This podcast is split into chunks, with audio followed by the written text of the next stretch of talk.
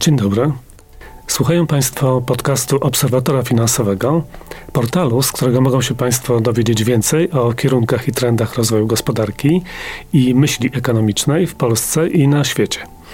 Można nas czytać na stronie www.obserwatorfinansowy.pl. Ja nazywam się Maciej Danielewicz, jestem redaktorem naczelnym portalu Obserwator Finansowy, a rozmawiam dziś z panią dr Mileną Kabzą z Departamentu Stabilności Finansowej Narodowego Banku Polskiego. Dzień dobry. Dzień dobry. Y, porozmawiajmy dzisiaj o cyfrowym pieniądzu. Porozmawiajmy. Cyfryzacja wdziela się do niemal wszystkich dziedzin naszego życia, również tych związanych z płatnościami. Mamy cyfrowe systemy płatności, mamy kryptowaluty, waluty wirtualne.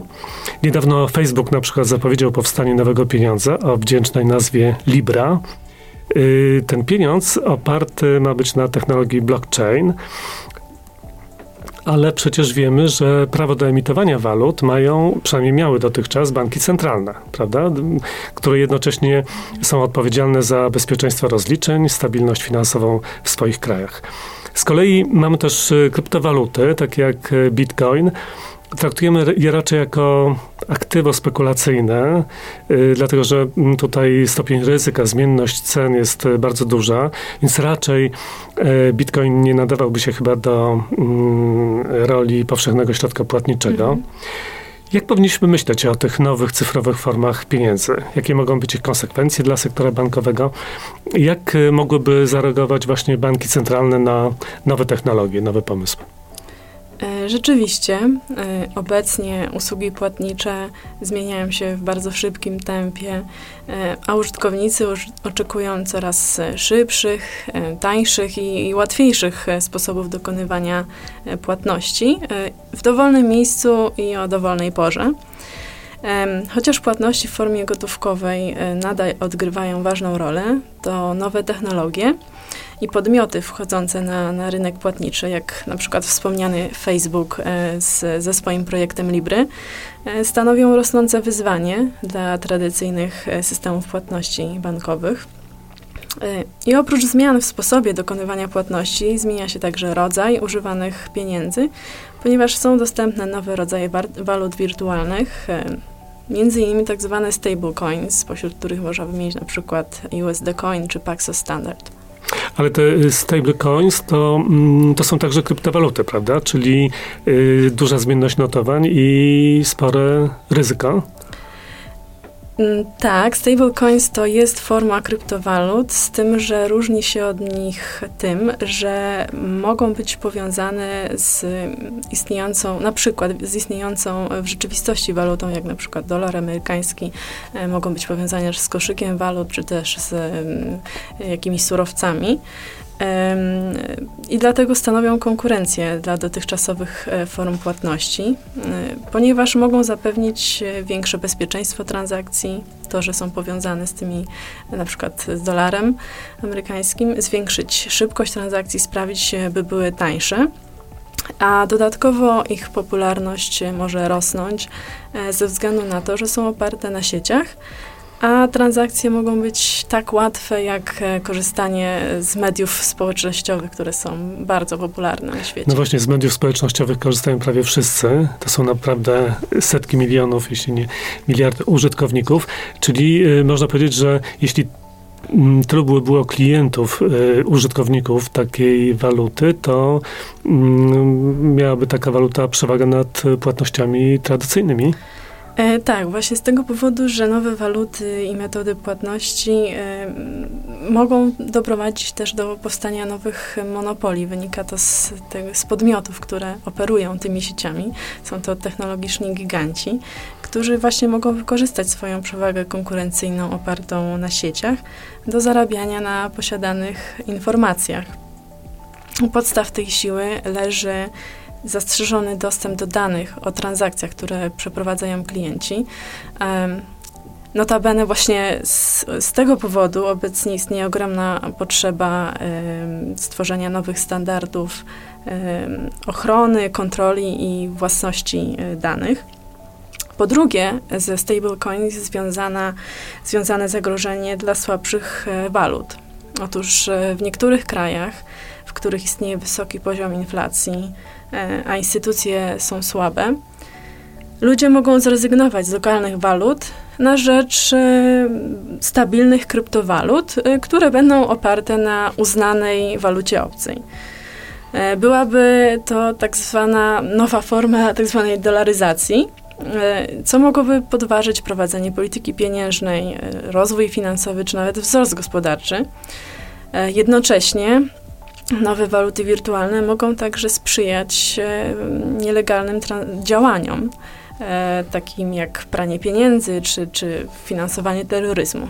Czyli wynika z tego, że z jednej strony nowe technologie mogą być korzystne dla uczestników rynku, e, ale z drugiej jednak e, mogą być mało wiarygodne i ryzykowne. Mm, jakie, jakie są możliwości, czy można wykorzystać potencjał cyfryzacji przy jednoczesnym minimalizowaniu ryzyka?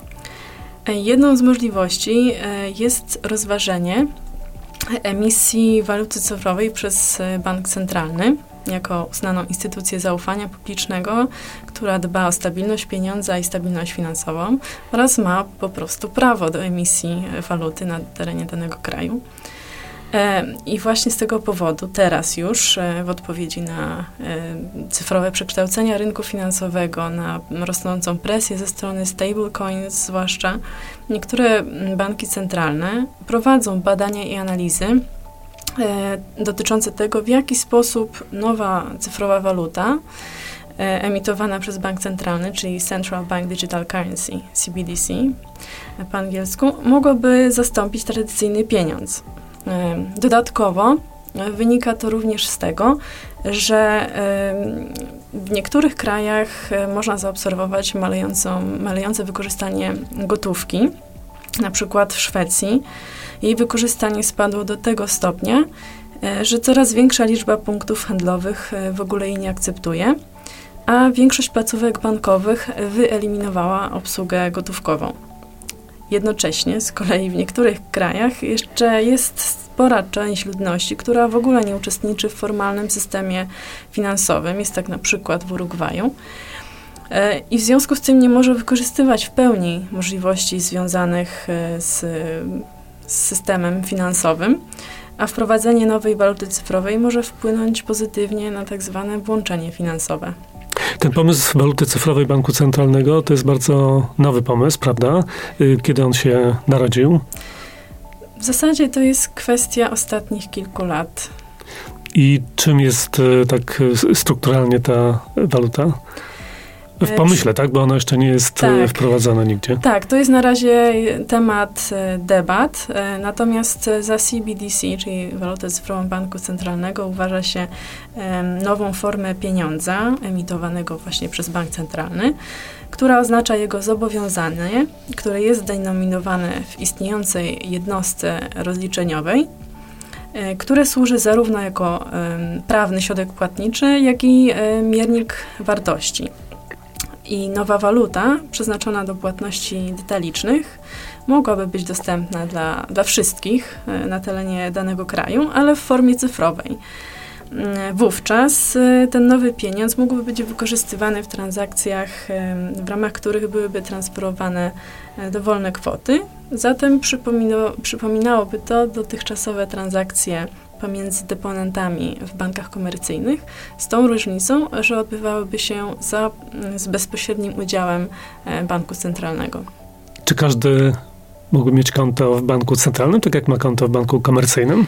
E, tak, tej no, według tej nowej koncepcji to jest jedna z możliwości.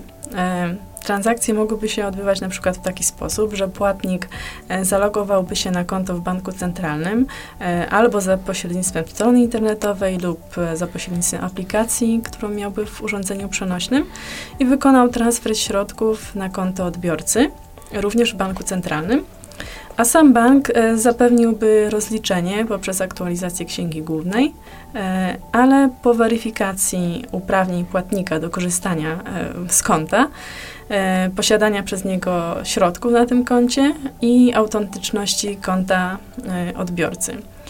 Ale tak na marginesie właśnie w związku z tym, że mm, w koncepcji y, nowej waluty banku centralnego jest możliwość bezpośredniego dostępu osób fizycznych do kont w banku centralnym, ta koncepcja e, jest źródłem pytań o rolę pieniądza emitowanego przez bank centralny, bezpośredni dostęp do jego zobowiązań, czy też e, samą strukturę pośrednictwa finansowego.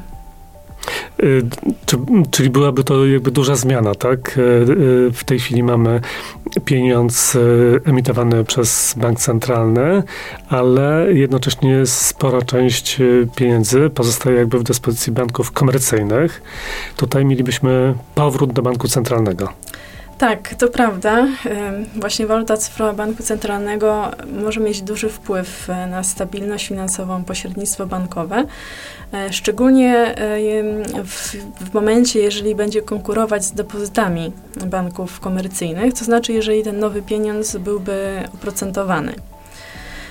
Wówczas reakcja banków komercyjnych na wprowadzenie tego nowego pieniądza i zdolność do obrony swojego modelu biznesowego, dotychczasowego, e, będzie zależała od ich siły rynkowej i możliwości zwiększenia atrakcyjności depozytów i zastąpienia ich odpływu na rzecz oprocentowanej nowej waluty.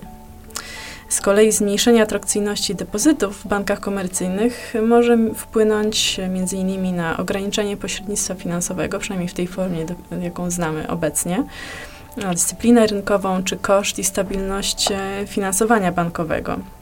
Można sobie również wyobrazić, że w określonych e, warunkach negatywnych e, istnienie powszechnie akceptowanej waluty cyfrowej może ułatwiać tak zwane digital runs, czyli nagłe i znaczące wycofywanie depozytów z banków komercyjnych na korzyść łatwo dostępnej, bezpiecznej i płynnej cyfrowej alternatywy w banku centralnym. Z kolei z punktu widzenia banków centralnych emisja cyfrowego pieniądza oznaczałaby e, przede wszystkim ich większą rolę w pośrednictwie finansowym, mm, co zagroziłoby najpewniej istniejącemu dwupoziomowemu systemowi bankowemu opartemu o tak zwaną e, rezerwę częstkową, a także wpływać na ich funkcjonowanie czy nawet niezależność banku centralnego. Czy w takim razie z perspektywy banku centralnego emisja takiej waluty cyfrowej byłaby uzasadniona? Po pierwsze, mm, ta nowa waluta cyfrowa mogłaby mm, przynieść korzyści e, w postaci e, bardziej wydajnych i bezpiecznych systemów płatności i rozliczeń. Mm, dodatkowo, jeśli weźmie się pod uwagę to, że nowy pieniądz mógłby pozwalać na tworzenie śladów cyfrowych, i zapisów cyfrowych, e, mogłoby to z kolei e, wpłynąć pozytywnie na, na wymogi dotyczące przeciwdziałania praniu pieniędzy finansowaniu terroryzmu, e, czy nawet ograniczać nieformalną działalność gospodarczą. Wprowadzenie tego nowego pieniądza miałoby także wpływ na prowadzenie polityki monetarnej i transmisję jej impulsów do gospodarki. I oczywiście mm, skala y, tego wpływu zależałaby od tego, jaki byłby zakres dostępu e, do, do nowego pieniądza i czy byłby on oprocentowany. E, I z dotychczasowych analiz wynika, że, że szerszy niż dotychczas dostęp do zobowiązań banku centralnego może wzmacniać przenoszenie impulsów polityki pieniężnej na rynki pieniężne, właśnie i na rynki kredytowe. Dodatkowo argumentem za wprowadzeniem tej nowej waluty cyfrowej banku centralnego e, jest jej potencjalne wykorzystanie jako dodatkowego narzędzia polityki pieniężnej w celu zarządzania przyszłymi e, kryzysami. No tak, ale wszyscy jesteśmy przyzwyczajeni do dotychczasowego pieniądza, do dotychczasowej formy. I rola banku centralnego obecnie jest bardzo ugruntowana tak, w systemie finansowym, mhm. Y, w bankach komercyjnych, w społeczeństwie. społeczeństwie tak. tak. I y, jakie mielibyśmy uzasadnienie jakby wprowadzenia nowego systemu, tej nowej waluty cyfrowej? Y, z perspektywy takiego użytkownika Kowalskiego. pojedynczego, tak, Kowalskiego. No więc y, na pewno można, można założyć, że z perspektywy pojedynczego użytkownika będzie on preferował formę pieniędzy, e, która maksymalizuje prywatne korzyści i minimalizuje ryzyko i koszty. Tak jak wspominaliśmy wcześniej, e, w ciągu ostatnich lat rozwój technologii e, znacznie poprawił wygodę i wydajność cyfrowych form instrumentów płatniczych, które są wykorzystywane mm, w sektorze prywatnym, w porównaniu z pieniądzem papierowym emitowanym przez bank centralny. Gotówka jako środek płatniczy, co do zasady charakteryzuje się kosztami transakcyjnymi znaczącymi, konieczność osobistego spotkania czy wypłaty gotówki, co może być trudne w odległych lokalizacjach, a także podatność na kradzież i brak zysku e, w formie odsetek. Jednak należy pamiętać, że oferuje ona natychmiastowe rozliczenie, brak ryzyka cybernetycznego e, i anonimowość. E, z kolei, jeśli istniałaby powszechnie dostępna waluta cyfrowa dla, dla wszystkich w danym kraju, przeznaczona do płatności detalicznych, e, to ta nowa forma pieniądza mogłaby być równie łatwo wykorzystywana w transakcjach jak gotówka. Dzięki niej możliwe by było dokonywanie płatności e, na żądanie, bez limitów kwotowych, bez ograniczeń w zakresie akceptacji z każdego urządzenia możliwy dostęp do innych usług finansowych, na przykład doradztwo, no i również e, możliwie e, nominalne oprocentowanie, co stanowiłoby zauważalną e, poprawę w stosunku do rozliczeń gotówkowych. Czy waluta cyfrowa to perspektywa w najbliższym czasie, czy jeszcze musielibyśmy sporo poczekać? Może nigdy nie doczekamy się takiej waluty? No w tej chwili y, jednoznacznie nie można to powiedzieć, czy nigdy i kiedy dokładnie. Po pierwsze, nie jest obecnie jasne, kiedy y, waluta cyfrowa Banku Centralnego będzie uznana za pożądaną.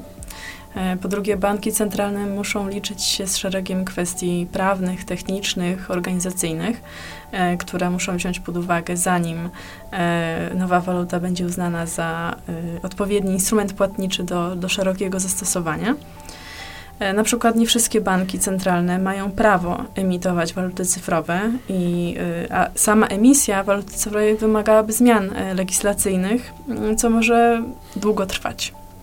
Ponadto obecnie nie ma również zgody do, co do optymalnego sposobu zaprojektowania tego nowego pieniądza i jego cech a w środowisku cyfrowym dodatkowo, dodatkowymi wyzwaniami są y, kwestia prywatności, y, bezpieczeństwa danych i, i podatność na ataki hakerskie, czyli te zagrożenia cybernetyczne. Czyli jakbyśmy podsumowali problem pieniądza cyfrowego? W zasadzie można y, to podsumować w ten sposób, że mm, historia pieniądza wskazuje, że chociaż podstawowe funkcje pieniądza mogą się nie zmieniać, to jego forma ewoluuje w odpowiedzi na potrzeby użytkowników i na potrzeby czasów, a powszechnie akceptowana waluta cyfrowa Banku Centralnego e, może być uznana za kolejny kamień milowy w ewolucji pieniądza. Czekamy w takim razie na dalszy rozwój sytuacji. Zobaczymy, co się będzie działo z pieniądzem cyfrowym banków centralnych. Zapraszamy do czytania portalu obserwatorfinansowy.pl. E, tematykę pieniądza cyfrowego czy walut wirtualnych, kryptowalut y, i wszelkich form y, systemów płatności mogą Państwo również y, zgłębić w naszym serwisie. Dziękuję bardzo za rozmowę. Bardzo dziękuję.